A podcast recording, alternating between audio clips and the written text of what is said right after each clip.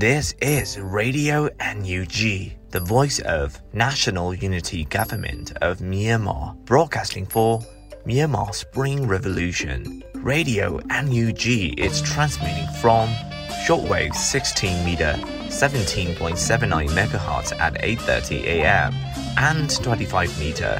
11.94 megahertz at 8:30 p.m. Myanmar Standard Time. မင်္ဂလာပါခင်ဗျာ အမျိုးသားညီညွတ်ရေးအစိုးရရဲ့အတန်လွင့်ဌာန Radio NUG ကိုမနက်ပိုင်း၈နာရီခွဲမှာလိုင်းတို16မီတာစက္ကန့်တက်သမ9 MHz ညပိုင်း၈နာရီခွဲမှာလိုင်းတို25မီတာ17တက်သမ6 MHz တို့မှာဓာတ်ရိုက်ဖမ်းယူနိုင်နိုင်ပါပြီမင်္ဂလာအပေါင်းနဲ့ပြည့်စုံကြပါစေအခုချိန်ကစပြီး Radio NUG အစီအစဉ်တွေကိုဓာတ်ရိုက်အတန်လွှင့်ပေးနေပါပြီ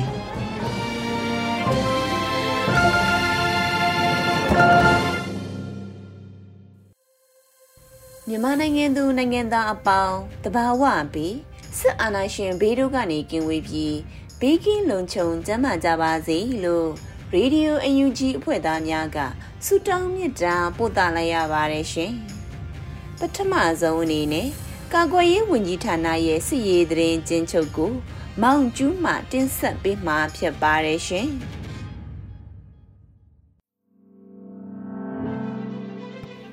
မြို့သားညီညွတ်ရေးအစိုးရကာကွယ်ရေးဝန်ကြီးဌာနကထုတ်ပြန်တဲ့နေ့စဉ်စီးသတင်းချင်းချုပ်ကိုတင်ပြပါတော့မယ်ခင်ဗျာ။စင်းမြရ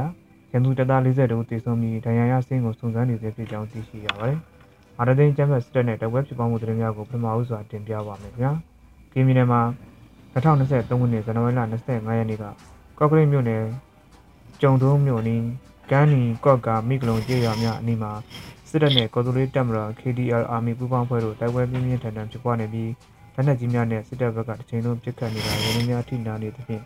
MI35 ရဟတ်ယာဉ်များနဲ့ပုံကျဲတိုက်ခိုက်ခဲ့ပါတယ်။ဆိုပါတိုက်ပွဲတွင်ရန်သူတပ်သား၄စုတည်းမှနဲ့တေဆုံးပြီးနှစ်ဖက်လုံးမှာတေဆုံးထိခိုက်မှုများရှိခဲ့ပါတယ်။ဂျုံတို့မြို့ပေါ်နေထိုင်သူများအပြင်ကမ်မလိုက်မာလာတော်ဒလွဲထော်ကော့ကွေးမိကလိုကော့ကာကန်းနီကော့ကြရွာကလေးကြောက်ဖြာမြင်းဒီကုန်းကော့ဘိန်းကော့ပေါက်မပြောတော်စတဲ့ရွာများကဒေသခံပြည်သူ9000ကျော်ထွက်ပြေးတင်းရှောင်နေရကြောင်းသိရှိရပါတယ်။ မွန်ပြည်နယ်မှာဇန်နဝါရီလ25ရက်နေ့မနက်4:30မိနစ်ခန့်ကရေးမြို့နယ်ရေးမြို့ရန်မြို့အောင်ရက်ွက်ရှိရန်သူအင်အား10ဦးကျော်တပ်ဆွဲထားတဲ့မြို့နယ်ပညာရေးမှုရုံးကိုရာမညပြောက်ကြားတပ်ဖွဲ့ RGF ကမိုင်းထောင်ပေါက်ခွဲခဲ့တဲ့အတွက်နှစ်ဖက်ပြန်လည်ပစ်ခတ်မှုဖြစ်ပွားခဲ့ပါတယ်။ပဲခူးတိုင်းမှာဇန်နဝါရီလ25ရက်နေ့မနက်4:30မိနစ်ခန့်ကကျွမြို့နယ်ညောင်ပင်သာမြို့ပဲခူးလမ်းမှာနေထိုင်တဲ့မြူစော်ဒီခေါင်းဆောင်မျိုးစော်ကိုအောက်စလုတ်ကျေးရွာအုပ်စုစက်ကုန်းကျေးရွာစစ်ကောင်စီကအုပ်ချုပ်ရေးမှုရဲ့အဖို့တော်ဆက်သူခိုင်စိုးရဲ့နေအိမ်မှာ ကျွမြို့နယ်ပကပကနန်းထိုင်အောင်စစ်စင်ရေးဖြင့်တွားရောက်ပစ်ခတ်တိုက်ခိုက်ခဲ့ရပြီးဆုံးခဲ့ပါတယ်။အရသိန်းကျန်းဖက်စစ်တပ်ကကျွနယ်ရာဇဝမှုများအကြောင်းကိုဆက်လက်တင်ပြပါမယ်ခင်ဗျာ။ကင်းပြည်နယ်မှာဇန်နဝါရီလ25ရက်နေ့မနက်2နာရီခန့်က KNU တပ်မဟာ6နယ်မြေကျိုင်းစစ်ကြီးမြို့နယ်ဖျားသုံးစုမြို့နယ်18မိုင်ကွာရှိအမှတ်9ခနောက်စိမ်းတပ်တူတူဖော်ရေးလောက်ကွက်တစ်ခုကိုရန်သူတပ်ကတိုက်လေရင်နဲ့ပုံကျဲခဲ့ရာအဆောက်အုံများစွာထိခိုက်ပျက်စီးခဲ့ပြီးလူထိခိုက်မှုများကိုဆက်လက်စုံစမ်းနေဖြစ်ကြောင်းသိရှိရပါတယ်။ စကိုင်းတိုင်းမှာဇန်နဝါရီလ25ရက်နေ့နေ့နက်ပိုင်းကမြင်းမှုမြို့နယ်ညောင်ရရွာလမ်းခွဲထိပ်နိုင်ကုမာဆိုင်မိသားစု၄ဦးကိုရန်သူတပ်က PDF ထောက်ပို့မှုနဲ့ဖမ်းဆီးခဲ့ပြီးနေအိမ်ကိုချိတ်ပိတ်ခဲ့ပါတယ်။ညနေပိုင်းအချိန်မှာမြို့သမီး2ဦးပြန်လည်လွတ်မြောက်ခဲ့ကြောင်းသိရှိရပါတယ်။ဇန်နဝါရီလ25ရက်နေ့မနက်10:43မိနစ်ခန့်ကရင်းမပင်မြို့နယ်ထန်တော်ကြီးကျေးရွာနဲ့ရေကြီးပင်ရွာသစ်ကြားရှိစစ်ပြေးရှောင်ရန်ဆောက်လုပ်ထားတဲ့တဲများကိုရန်သူတပ်သားများကမြှင့်ရှို့ခဲ့ပါတယ်။ ဇန်နဝါရီလ25ရက်နေ့မနက်7:29မိနစ်ခန့်ကရင်းမာပင်မြို့နယ်စီလောင်ချောင်းကျေးရွာကိုရန်သူတပ်သားများကမြှင့်ရှို့ခဲ့ပါတယ်။ဇန်နဝါရီလ25ရက်နေ့ညနေ4:30မိနစ်ခန့်ကရင်းမာပင်မြို့နယ်မြရိတ်ကျေးရွာကိုရန်သူတပ်သားများကထပ်မံမြှင့်ရှို့ခဲ့ပါတယ်။ဇန်နဝါရီလ24ရက်နေ့နဲ့25ရက်နေ့ကတပင်းမြို့နယ်ညောင်လကျေးရွာကိုရန်သူတပ်သားများဝင်ရောက်ခဲ့ပြီးတတိယကြိမ်ရွာလုံးကျွတ်နီးပါးမိရှုဖျက်ဆီးခဲ့ကပြန်လည်ဆောက်လုပ်ထားတဲ့မိဘစဉ်တဲများအိမ်မွေးတိရစ္ဆာန်များကိုထပ်မံဖျက်ဆီးခဲ့ပါတယ်။ မကွေးတိုင်းမှာဇန်နဝါရီလ25ရက်နေ့ည8:45မိနစ်ခန့်ကပေါင်းမြို့နယ်ဘရော်ဂန်ကျေးရွာကိုရန်သူတပ်ဖွဲ့ဝင်များပြူစော်ဒီများလိုက်ပါလာတဲ့စီကြောင်းကဘရော်ဂန်ကျေးရွာအတွင်းရှိပြည်သူပိုင်နေများကိုကြမ်းဖက်မိရှုခဲ့တဲ့အတွက်ပြည်သူပိုင်နေများမိလောင်ပြကြခဲ့ပြီးအနီးပတ်ဝန်းကျင်ရှိဒေသခံပြည်သူများဘေးလွတ်ရာသို့ထွက်ပြေးတိမ်းရှောင်နေရကြောင်းသိရှိရပါတယ်။တနင်္သာရီတိုင်းမှာဇန်နဝါရီလ26ရက်နေ့နေ့လယ်12နာရီခန့်ကရေပြည်မြို့နယ်ကံပေါက်မက်ကင်ရက်ကွက်ကကိုမင်းကိုအကံမတို့နှစ်ဦးကို၎ င်းတို့နေ၌ရန်သူတပ်သားများကအင်အားလုံးရင်သုံးပြုပြီးဝင်ရောက်ဖျက်ဆီးသွားခဲ့ပါတယ်။မနက်2:30မိနစ်ခန့်ကလည်းလဲကုန်းကြည်ရွာကဦးစံဦးဒေါ်မာကြီးမက်ချိုလက်မက်နီဒေါ်ပုဦးထွန်းရှိန်နဲ့အခြားမျိုးသမီးတဦးစုစုပေါင်း9ဦးကိုလည်းနေမြတ်မှာထပ်မံဝင်ရောက်ဖမ်းဆီးသွားခဲ့ကြောင်းသိရှိရပါတယ်။ယခုတင်ပြခဲ့တဲ့နေ့စဉ်စီးသတင်းချင်းချုပ်ကိုရေပြင်သတင်းတာဝန်ခံများနဲ့သတင်းဌာနများကဖော်ပြထားတဲ့ချက်များပေါ်အခြေခံပြုစုထားတာဖြစ်ပါတယ်။ကျွန်တော်မောင်ကျူပါ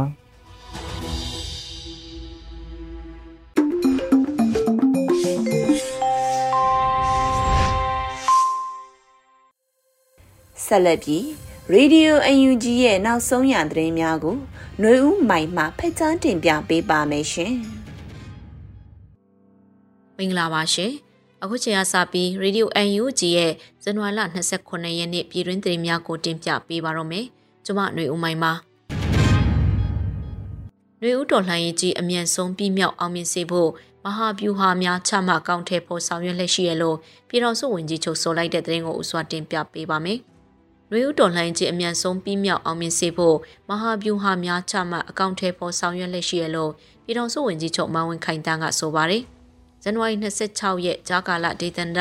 ပြည်သူ့အုပ်ချုပ်ရေးဖော်ဆောင်မှုဘောကော်မတီအစည်းအဝေးလေးမြင်းဆောင်2023တွင်ပြောကြားသည့်ပြည်တော်စုဝင်ကြီးချုပ်မောင်ခိုင်တန်းကဆိုပါတယ်။စစ်အာဏာရှင်တော်လှန်ရေးကြီးဟာမကြောက်ခင်မှာပဲနှစ်နှစ်တင်းတင်းပြည်တော်မှာဖြစ်ပါတယ်။ဒီကာလအတွင်းအစိုးရအဖွဲ့ရဲ့လှုပ်ဆောင်ချက်တွေဟာအောင်မြင်မှုအများပြားလဲရရှိခဲ့ပါတယ်။ နှစ်နှစ်တာကာလဟာကျွန်တော်တို့အတွက်လုပ်ငန်းများဆောင်ရွက်ရင်းကုံဆုံးခဲ့ရလို့မတိတာပေမဲ့အကြမ်းဖက်စစ်ကောင်စီရဲ့ရစ်ဆက်ဖိနှိပ်မှုကိုခန်းစားနေကြရတဲ့ပြည်သူများအတွက်မှာတော့ရှေ့ကြလွန်းလှပါတယ်။ဒါကြောင့်ဒီຫນွေဦးတော်လှန်ရေးကြီးအမြန်ဆုံးပြည့်မြောက်အောင်မြင်စေဖို့မဟာဗျူဟာများချမှအကောင့်ထဲပေါ်ဆောင်ရွက်လက်ရှိပါတယ်လို့ဝန်ကြီးချုပ်ကဆိုပါတယ်။ဒါ့အပြင်အကြမ်းဖက်စစ်အုပ်စုကသွေးခွေးတက်လို့ဖို့နှီးမျိုးစုံနဲ့စ조사နေလို့တော်လှန်ရေးအင်အားစုတွေအနေနဲ့ လုံခြုံရေးအထူးသတိပြုဖို့ကိုလည်းပြည်တော်စုဝင်ကြီးချုပ်ကအဆိုပါစည်းဝေးမှာထပ်မံပြောကြားလိုက်ပါတယ်။အကြမ်းဖက်စစ်အုပ်စုကသွေးခွဲတက်လို့ဖို့ဤမျိုးစုံနဲ့စ조사နေလို့တော်လိုင်းအင်အားစုတွေအနေနဲ့လုံခြုံရေးအထူးသတိပြုဖို့အလေးနဲ့မှာလိုပါတယ်။ဝင်ကြီးဌာနတွေမှာလည်းလုံခြုံရေးအစီအမံတွေထားရှိစေလိုပါတယ်။အထူးသဖြင့်စစ်ရေးဆိုင်ရာကိစ္စတွေကိုပိုသတိရှိကြရပါမယ်။ စစ်အုပ်စုအနေနဲ့ပိုချက်တီးလာလေလေတော်လှန်ရေးအင်အားစုတွေရဲ့လုံခြုံရေးနဲ့အသက်အန္တရာယ်ကိုပိုပြီးချိန်ချောက်လာနိုင်လေလေဖြစ်ပါတယ်။ဒါကြောင့်အစိုးရအဖွဲ့ဝင်များရောမဟာမိတ်တော်လှန်ရေးအင်အားစုများရော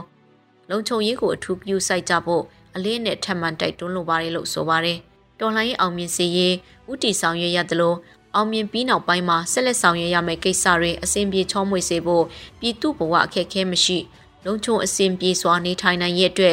က်ကြိုတင်အုပ်မြစ်ချထားရမှာဖြစ်ပြီးတော်လိုင်းကာလအတွင်းအုပ်ချုပ်ရေးရန်ရဟာခုတစ်မျိုးနောက်တစ်မျိုးနဲ့ပြည်သူတွေစိတ်မရှုပ်ထွေးရအောင်တာဝန်ရှိသူတွေကစနစ်တကျစီမံဖို့လိုတယ်လို့ဝန်ကြီးချုပ်ကဆိုပါရရှင်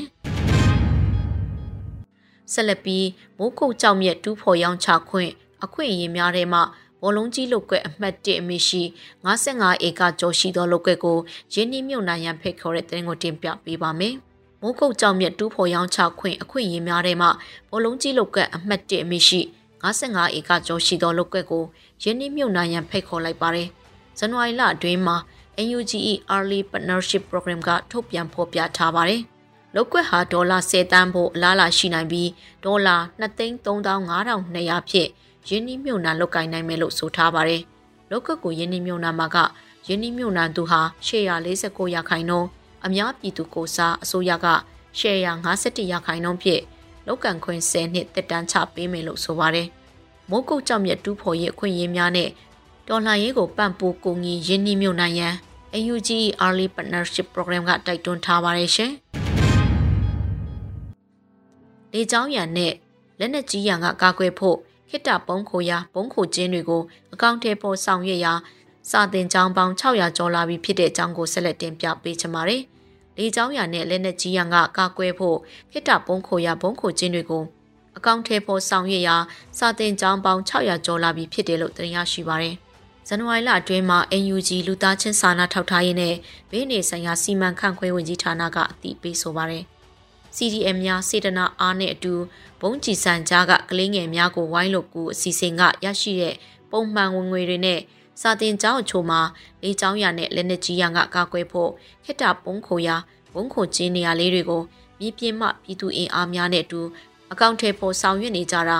အခုဆိုရင်စာတင်ကျောင်းပေါင်း600ကျော်လာပြီးဖြစ်ပါတယ်လို့ဆိုပါတယ်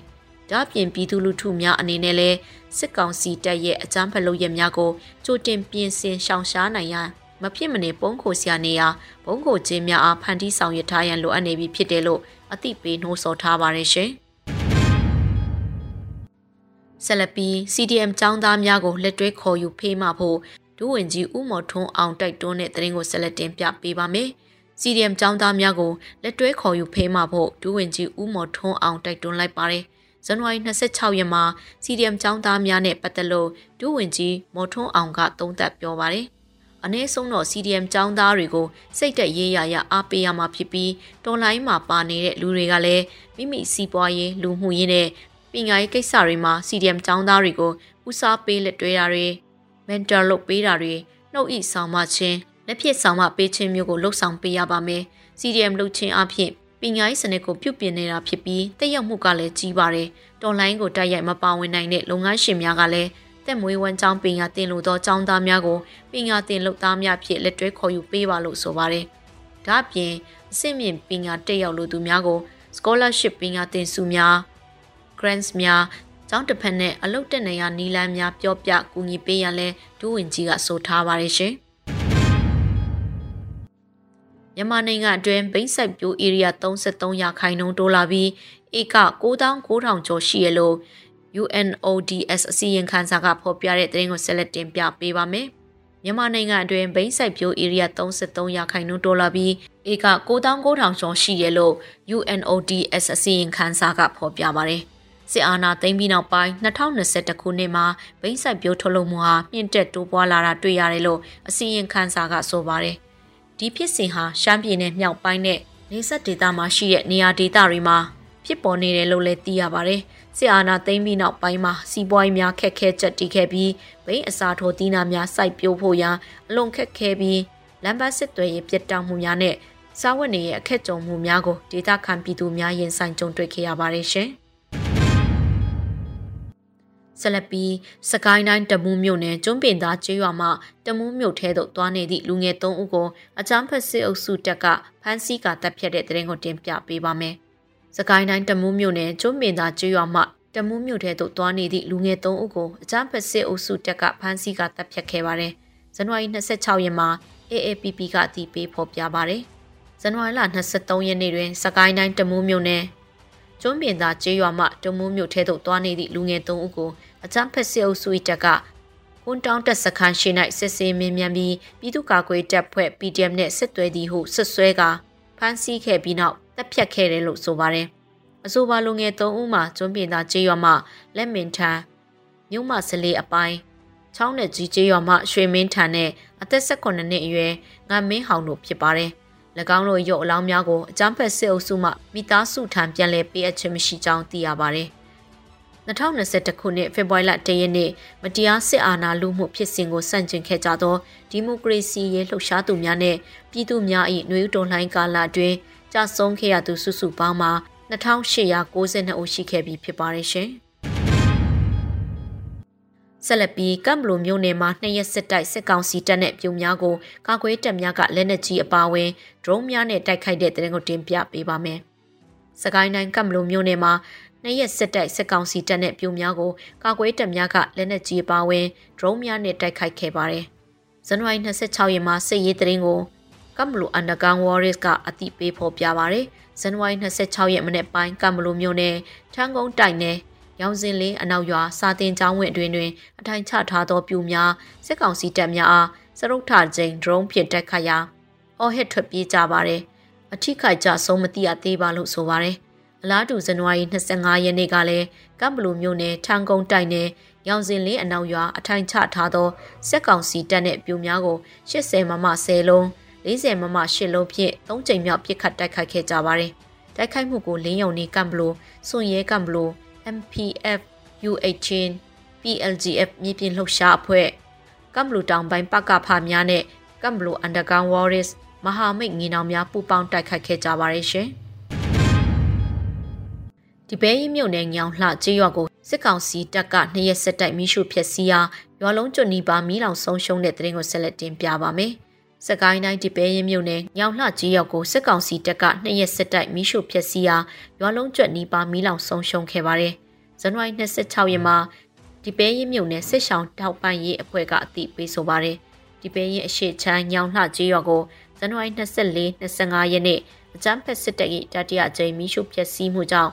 ရွာလုံးကျွတ်နီးမီးလောင်ပျက်စီးခဲ့ရပြီးပြန်လည်တိစောက်ထားသောမိဘေးတင်တဲများပါမကြမ်းထပ်မံဖျက်ဆီးခံခဲ့ရပါတယ်လို့ဆိုပါတယ် 2022ခုနှစ်ဒီဇင်ဘာလ31ရက်နေ့ထိစစ်အာဏာသိမ်းကာလတွင်စစ်ကောင်စီနှင့်လက်အောက်ခံအဖွဲ့အစည်းများကမိရှုဖျက်ဆီးမှုကြောင့်အရက်သားပြည်သူနေအိမ်ပေါင်း48,463လုံးပျက်စီးဆုံးရှုံးခဲ့ရတယ်လို့ Data for Myanmar ကဖော်ပြပါတယ်။အဆိုပါမိရှုဖျက်ဆီးခံရတဲ့အထဲတွင် စကိုင်းတိုင်းမှာ36,669လုံးမကွေးတိုင်းမှာ8,585လုံးချင်းပြည်နယ်မှာ1,485လုံးနဲ့ ကြံပြည်နယ်နဲ့တိုင်းတွေမှာ1946လုံးပျက်စီးဆုံးရှုံးခဲ့ရပါတယ်ရှင်။ကျုံနူးတိုက်ပွဲအကြမ်းဖက်စစ်ကောင်စီဘက်မှကြဆုံးသူ90ကျော်ထိရှိခဲ့ပြီးပြင်းထန်စွာထိခိုက်ဒဏ်ရာရသူ90ကျော်ထိရှိတဲ့တဲ့ရင်ကိုဆက်လက်တင်ပြပေးပါမယ်။ကရင်ပြည်နယ်ကော့ကရိမြို့နယ်ကျုံတူးတိုက်ပွဲအကြမ်းဖက်စစ်ကောင်စီဘက်မှကြာဆုံးသူ90ကျော်ထိရှိခဲ့ပြီးပြင်းထန်စွာထိခိုက်ဒဏ်ရာရသူ90ကျော်ထိရှိရလို့သိရရှိပါရတယ်။ ဇန်နဝါရီ26ရက်မှာစစ်ရေးတရင်ကို Lion Battalion Commando ယူဟာစစ်ကြောင်းကအတည်ပြုဆိုပါတယ်။ကရင်ပြည်နယ်ကော့ကရိတ်မြို့နယ်ကျုံနိုးမြို့အနီးရှိကော့ကြိုက်အင်္ဂလုံးနဲ့ကန်းနီစံပြကြေးရွာများတွင်ဇန်နဝါရီလ20ရက်နေ့တွင်နေမြေကျိုးကျော်ဝင်ရောက်တက်ဆွဲလာသောအကြမ်းဖက်စစ်ကောင်စီတပ်မ44လက်အောက်ခံတပ်များအရှိတောင်ပိုင်းတိုင်းလက်အောက်ခံတပ်များအင်အား150ခန့်ရှိသောစစ်ကြောင်းနှင့် KTL Army ၏ဗျူဟာမှု ဘိုးအေဆေးဝါဦးဆောင်သော Lion Battalion Commando ဗျူဟာစစ်ကြောင်း KNU KNDO အမှတ်6တပ်ရင်းဂလုံစစ်ကြောင်းနှင့် DKBA စစ်ကြောင်းများပူးပေါင်း၍နေမြေကျူးကျော်ဝင်ရောက်လာသောအကြမ်းဖက်စစ်ကောင်စီနှင့်ပြင်းထန်စွာတိုက်ပွဲဖြစ်ပွားခဲ့ပါတယ်လို့ဆိုပါတယ်။ဇန်နဝါရီလ20ရက်နေ့မှ26ရက်နေ့အထိတိုက်ပွဲအတွင်းအကြမ်းဖက်စစ်ကောင်စီဘက်မှကြာဆုံးသူ90ကျော်ထိရှိခဲ့ပြီးပြင်းထန်စွာထိခိုက်ဒဏ်ရာရရှိသူ90ကျော်ထိရှိသဖြင့်အ ကြဆုံးအထိခိုက်များစွာဖြင့်ပြန်လည်ဆုတ်ခွာသွားခဲ့တယ်လို့ဆိုပါတယ်။အဆိုပါ6ရက်တာတိုက်ပွဲတွင်ကန်းနီဆန်ပြကျေးရွာတွင်သို့အကြမ်းဖက်စစ်ကောင်စီအမှတ်945 946အမြောက်တပ်မှလက်နက်ကြီးအချင်းကြီးအပေါင်း200ကျော်ပစ်ခတ်ခဲ့ပြီးလေကြောင်းစစ်ကူနေဖြင့် JY130 တိုက်လေယာဉ်အမျိုးအစားနဲ့ MI35 လေယာဉ်အမျိုးအစားများအသုံးပြု၍စေချိန်နဲ့အထက်ဘုံကျဲတိုက်ခိုက်ခဲ့တယ်လို့ဆိုပါတယ်။ကြီးတွေ့တိုက်ပွဲမှာကျေးရွာအတွင်းရှိနေအိမ်၅လုံးမိလောင်ပျက်စီးဆုံးရှုံးခဲ့ရပါတယ်။တိုက်ပွဲအတွင်း KNDO အမှတ်6တပ်ရင်းမှတက်ခွဲမှုဘိုးစောလင်းထင်းနဲ့ရဲဘော်2ဦးသည်တိုင်းပြည်နဲ့လူမျိုးတွေပြင်းပြစွာတစ်ပေးလှူခဲ့ရတယ်လို့ Lion Battalion Commando ကဖော်ပြပါရရှင်။ဆက်လက်ပြီးရေလာလေးရွာရှိပြိုကင်းများအား drone ဖြင့်တိုက်ခိုက်တဲ့တဲ့ရင်ကိုတင်ပြပေးပါမယ်။ ပခုတ်ကုံမြို့နယ်ရေလာလေးရွာရှိပြိုကင်းများအား drone ဖြင့်တိုက်ခိုက်ခဲ့တယ်လို့သိရရှိပါရယ်။ဇန်နဝါရီ26ရက်စစ်ရေးတဲ့ရင်ကိုမြိုင်ကရူဒါ PDF ကအတည်ပြုဆိုပါရယ်။မြိုင်ပခပတရင်တစ်တက်ခွဲနှင့်ဂလုံပြည်သူ့ကာကွယ်တပ်ဖွဲ့အလင်းတန်းပျောက်ကြားတပ်ဖွဲ့ Hero New GZ နဲ့မြေပြန့်ဒေသကာကွယ်ရေးအဖွဲ့ MRDF တို့ပူးပေါင်း၍ဇန်နဝါရီ26ရက်တွင်ရေလာလေးပြူရွာအတွင်းရှိပြူကင်းများအား drone ဖြင့်ပုံသီးချတိုက်ခိုက်ခဲ့ပါတယ်လို့ဆိုပါတယ်။ ပြူများအထီခိုက်ဆုံဆန်းဆဲဖြစ်ပြီးရဲဘော်များအထီခိုက်မရှိစုခွာနိုင်ခဲ့တယ်လို့ဆိုပါတယ်ရှင်။ယခုတင်ပြပေးခဲ့တဲ့သတင်းတွေကို Radio UNG သတင်းတောက်မင်းမင်းကပေးပို့ထားတာဖြစ်ပါတယ်ရှင်။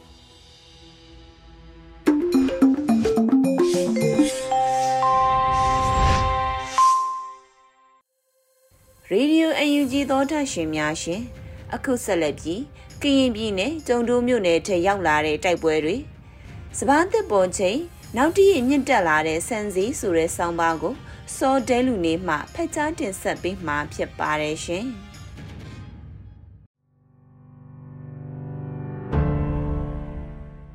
ကရင်ပြည်နယ်ကြုံတုံးမြို့နယ်ထဲရောက်လာတဲ့တိုက်ပွဲတွေနဲ့စပားသစ်ပေါ်ချိန်နောက်တည့်မြင့်တက်လာတဲ့စံစည်းအမည်ရတယ်မြမနွေဦးခရိုနီကယ်ဇန်နဝါရီ25မြင်ကွင်းမိုးမခဆောင်ပါကိုစတင်ဖတ်ကြားပေးပါမယ်။မကြခင်က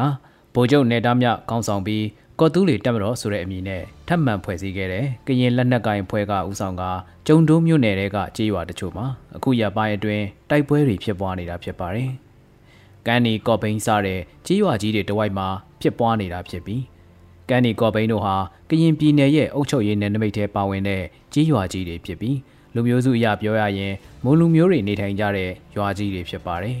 ကြေးရွာဆိုပေမဲ့လို့ဒေသခံတွေကအရင်အရင်ထိုင်းမြန်မာနယ်စပ် မှောင်ခိုကုန်သွယ်မှုကာလကလေးကထိုင်းနဲ့မြန်မာအကြားနယ်စပ်ဖြတ်ပြီးကုန်ရောင်းကုန်ဝယ်လုပ်ကိုင်နေကြတဲ့ကြေးရွာတွေဖြစ်ပြီးအဆောက်အဦတွေနေအိမ်တွေအရမြို့တွေနဲ့မကွာခြားကြပါဘူး။ကော်တူးလေတက်မတော်ဟာကျိုင်းစိတ်ကြီးကနေဖျားသုံးစုဘက်စစ်ကူသွားတဲ့စစ်ကောင်စီစစ်ကြောင်းကိုပိတ်ဆို့ခဲ့ရကနေဒီဒေသတွေမှာတိုက်ပွဲဖြစ်လာတာလို့လည်းသတင်းတွေထဲမှာဖော်ပြထားကြပါတယ်။ အုပ်ချုပ်ရေးအရာကရင်ပြည်နယ်ဖြစ်ပြီးလူမျိုးစုအရာမွန်လူမျိုးအများဆုံးနေထိုင်ကြတဲ့ကြေးရွာတွေဖြစ်လို့ဒီကြေးရွာတွေအနေနဲ့စစ်ကောင်စီနဲ့ကရင်လက်နက်ကိုင်တပ်ဖွဲ့တွေကြားဖြစ်ပွားနေတဲ့တိုက်ပွဲတွေကြားပါဝင်လာလိမ့်မယ်လို့မျှော်လင့်ထားကြမှာမဟုတ်ပါဘူး။မွန်ပြည်နယ်အနေနဲ့ဆိုရင်ကြိုက်ထိုတထုံရေးမျိုးနယ်တို့မှာသာ PDF လို့ဆိုတဲ့ကာကွယ်တပ်ဖွဲ့တချို့ရှိကြပြီးမော်လမြိုင်မှုတုံတံပြူစရက်ချောင်းစုံကြိုက်မရောပေါင်တို့လိုနယ်မြေတွေမှာတော့ PDF လက်နက်ကိုင်အဖွဲ့တွေမရှိသလောက်နေပါတာဖြစ်ပါတယ်။ မွန်တိုင်းသားတွေကိုကိုစားပြုတယ်လို့ဆိုတဲ့မွန်ပြည်သက်ပါတီ MNSP ဟာ NCA ရေးထိုးထားတဲ့အဖွဲ့တွေကတဖွဲ့ဖြစ်ပြီး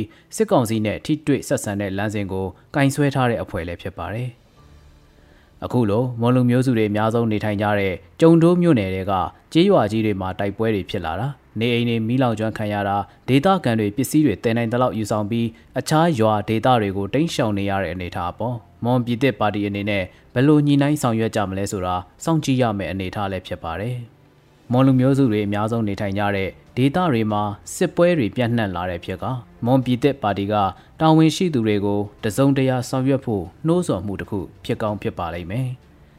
ဒီနေ့ဖို့ခြားတဲ့ပုံမှာလဲမြန်မာနိုင်ငံလူဦးရေရဲ့သုံးပုံတစ်ပုံဖြစ်တဲ့18တန်းကျော်ဟာလူသားချင်းစာနာမှုအကူအညီတွေလိုအပ်နေတယ်လို့ကုလသမဂ္ဂအဖွဲ့အစည်းဖြစ်တဲ့ HRNO နဲ့ HRP တို့ကထုတ်ပြန်တဲ့အစည်းအဝေးခန်းသားမှာဖော်ပြထားတာတွေ့ရပါတယ်။ရခိုင်နှစ်ကထံလူဦးရေတသန်းထပ်မံတိုးလာတယ်လို့လည်းဆိုထားပါတယ်။2022ခုနှစ်အစပိုင်းကနဲ့ရှင်ရင်တစ်နှစ်တာအတွင်းတိုက်ပွဲဖြစ်ပွားတဲ့ဒေသတွေပိုမိုကျယ်ပြန့်လာတာတိုက်ပွဲဖြစ်ပွားမှုအရှိန်မြင့်လာတာတွေကြောင့် ဒေသခံလူထုအနေနဲ့အဓိကသမွေးဝမ်းကြောင်းလုပ်ငန်းတွေကိုမလုတ်ကင်နိုင်တော့တဲ့အခြေအနေနေအိမ်တွေနဲ့ပိုင်ဆိုင်မှုတွေမိရှို့ဖျက်ဆီးခံရတာလူရက်ယူဆောင်ခြင်းခံရတာတွေကြောင့်လူသားချင်းစာနာမှုအကူအညီတွေလိုအပ်မှုမြင့်တက်လာတာလည်းဖြစ်ပါတယ်ဒီသတင်းနဲ့ဆက်ဆက်နေတဲ့အကြောင်းအရာတစ်ခုကဒီနှစ်စဘာပေါ်ချိန်မှာစံစည်းတွေရုတ်တရက်မြင့်တက်လာနေတဲ့သတင်းပဲဖြစ်ပါတယ်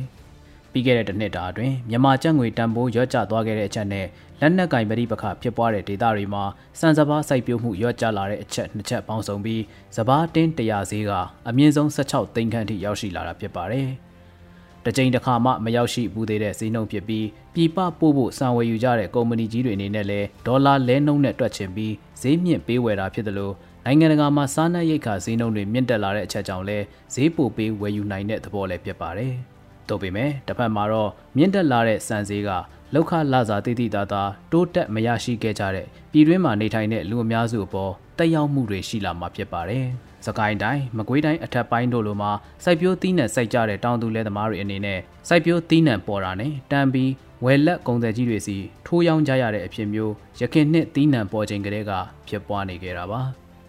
အတုံးလိုတဲ့အချိန်မှထုတ်ရောင်းမယ်သို့မဟုတ်ဈေးကောင်းရတဲ့အချိန်ထုတ်ရောင်းမယ်ဆိုတဲ့သဘောနဲ့ရိတ်ခါတွေကိုကြည်တဲ့တူလောင်ထားဖို့အခြေအနေမျိုးမဟုတ်တော့ပါဘူး။နေအိမ်နဲ့အတူရိတ်ခါတွေပါမီးရှို့ဖျက်ဆီးခံနေကြရတဲ့အနေအထားမို့ရိတ်သိမ်းချိန်ထိရိတ်သိမ်းခွင့်ရတဲ့အသီးနှံကိုဝယ်လက်စီရတဲ့ဈေးနဲ့ထိုးရောင်းကြရတဲ့အခြေအနေမျိုးအသက်နဲ့ပိုင်ဆိုင်မှုဟာနေမြေညပြောက်ဆိုလိုမသေးချာမရေရတဲ့အခြေအနေတွေအောက်မှာအသက်ရှင်နေထိုင်ကြရတဲ့သဘောလဲဖြစ်ပါတော့တယ်ခင်ဗျာ။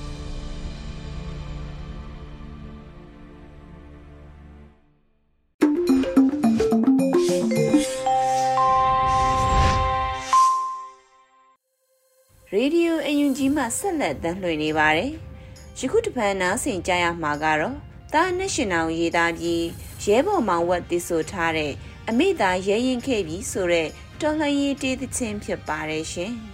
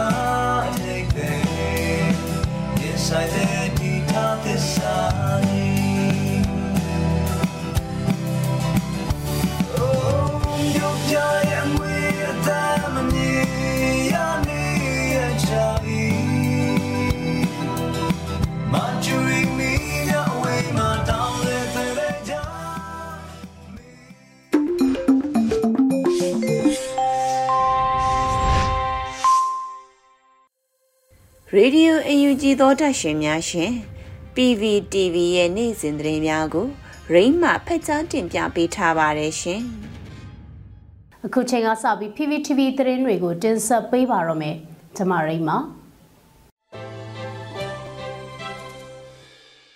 ပထမဆုံးတင်ဆက်မဲ့သတင်းကမုံရွာလူငယ်များအစည်းအရုံးတစ်နှစ်ပြည့်အခမ်းအနားသို့ပြည်ထောင်စုဝန်ကြီးဒေါက်တာဇော်ဝေစိုးတက်ရောက်တဲ့သတင်းမှာ မုံရလူငယ်အဖွဲ့အစည်းရဲ့တနှစ်ပြည့်အခမ်းအနားကိုဇန်နဝါရီ25ရက်မှာ Video Conference ကတဆင့်ပြုလုပ်ခဲ့ရာအမျိုးသားညွရေးအစိုးရကျန်းမာရေးဝန်ကြီးဌာနနဲ့ပညာရေးဝန်ကြီးဌာနရဲ့ပြည်ထောင်စုဝန်ကြီးဒေါက်တာဇော်ဝေစိုးတက်ရောက်အမှာစကားပြောကြားပေးခဲ့ပါတယ်။ မုံရလူငယ်အဖွဲ့အစည်းရဲ့တစ်နှစ်ပြည့်အခမ်းအနားကိုပြည်ထောင်စုဝန်ကြီးအပြင်တပိတ်ကော်မတီဝင်များကျောင်းသားသမဂ္ဂအဖွဲ့ဝင်များတက်ရောက်ခဲ့ကြပြီးမုံရလူငယ်စီရုံမှာလူငယ်တဦးကအဖွဲ့အစည်းရဲ့လုပ်ငန်းစဉ်များကိုရှင်းလင်းပြောကြားခဲ့ပါတယ်။အဆိုပါခန္ဓာသို့ပြည်ထောင်စုဝန်ကြီးဒေါက်တာဇော်ဝေဆိုးပါဝင်တော်လန်စာရေးဆရာတွေဖြစ်ကြတဲ့ဒေါက်တာဖြိုးတီဟာမင်းသိ တပိတ်ကော်မတီဝင်အသီးသီးဖြစ်ကြတဲ့ကိုတေစာဆန်းကိုချစ်ဝဲမောင်ကိုပိုက်ပူကိုနန်းလင်းကိုလွမ်းသူကိုခန့်ဝေဖြိုးတို့တက်ရောက်ပြီးကုံပြုစကားတွေပြောကြားပေးခဲ့ကြပါတယ်ဆက်လက်တက်ဆက်ပိမှာကတော့ခေဦးမြို့နယ်တိုက်နယ်9နယ်မြေအတွင်းကပအဖပကဖနဲ့မဟာမိတ်အင်အားစုတွေအကြားမျက်နှာစုံကြီးတွေးဆုံပွဲပြုလုပ်တဲ့တဲ့မှာ စကိုင်းတိုင်းခေဦးမြို့နယ်တိုက်နယ်ငါနယ်မြေအတွင်းကပြည်သူ့အုပ်ချုပ်ရေးအဖွဲ့ပအဖပြည်သူ့ကာကွယ်ရေးအဖွဲ့ပကဖနဲ့မဟာမိတ်အင်အားစုတွေတိုက်နယ်၄နဲ့တိုက်နယ်၅ရဲ့ကောင်းဆောင်တွေအဖွဲ့ဝင်တွေအကြားမျက်နှာစုံကြီးတွဲဆုံတဲ့အစည်းအဝေးကိုဇန်နဝါရီ25ရက်မှာပြုလုပ်ခဲ့ကြပါတယ်။ တွဲဆောင်ပွဲမှာရက်ကျေးတိုက်နယ်မဟာမိတ်တပ်ပေါင်းစုများအနေနဲ့အမျိုးသားညွရေးအစိုးရသက်ဆိုင်ရာဝန်ကြီးဌာနရဲ့မူဝါဒပိုင်းဆိုင်ရာစီမင်းစည်းကမ်းများကိုလေးစားလိုက်နာကြပြီးလှုပ်ထုံးလုပ်နည်းများနဲ့အညီဆောင်ရွက်ကြရဒေါ်လာရေးအအားစုများအနေနဲ့မူရစေတုံးဆွဲခြင်းရောင်းဝယ်ဖြန့်ဖြူးခြင်းအရက်သေးစာရောင်းချခြင်းတောက်စားမူစုချင်းများ ကြက်ဝိုင်းဖဲဝိုင်းလောက်ကစားများလုံးဝမပြုလုပ်ကြရန်နဲ့ရှောင်ကျင်ကြရန်တည်တန္တရအမိန့်များအတိပေးထုတ်ပြန်ခဲ့ပါတယ်။တွဲဆောင်ပွဲကိုဇန်နဝါရီ25ရက်မနက်10:00နာရီခွဲအချိန်ကစတင်ပြုလုပ်ခဲ့ရာမွန်းလွဲတနာရီအချိန်မှာပြည့်စည်ခဲ့တယ်လို့သတင်းထုတ်ပြန်ထားပါတယ်။ဒီကနေ့ကတော့ဒီညနေပဲ Radio NUG ရဲ့အစည်းအဝေးကိုခਿੱတရနာလိုက်ပါမယ်။ မြန်မာစံတော်ချိန်မနက်၈နာရီခွဲနဲ့ည၈နာရီခွဲအချိန်တွေမှာပြန်လည်ဆုံးဖြတ်ကြပါစို့ Radio NUG ကိုမနက်ပိုင်း၈နာရီခွဲမှာလိုင်းဒို16မီတာစက္ကန့်တသမ9 MHz ညပိုင်း၈နာရီခွဲမှာလိုင်းဒို25မီတာ17သမ6 MHz တို့မှာဓာတ်ရိုက်ဖမ်းယူနားဆင်နိုင်ပါပြီမြန်မာနိုင်ငံသူနိုင်ငံသားများကိုစိတ်နှပြကျန်းမာချမ်းသာလို့ဘေးကင်းလုံခြုံကြပါစေလို့ Radio NUG အဖွဲ့သူအဖွဲ့သားများကဆုတောင်းလိုက်ရပါတယ်။အမျိုးသားညီညွတ်ရေးအစိုးရရဲ့စက်သွေးရေးသတင်းအချက်အလက်နဲ့ဤပညာဝန်ကြီးဌာနကထုတ်လွှင့်နေတဲ့ Radio NUG ဖြစ်ပါတယ်။ San Francisco Bay Area အခြေစိုက်မြန်မာမိသားစုများနဲ့နိုင်ငံတကာကစေတနာရှင်များလှုပ်အားပေးများရဲ့ Radio NUG ဖြစ်ပါတယ်။အရေးတော်ပုံအောင်ရမည်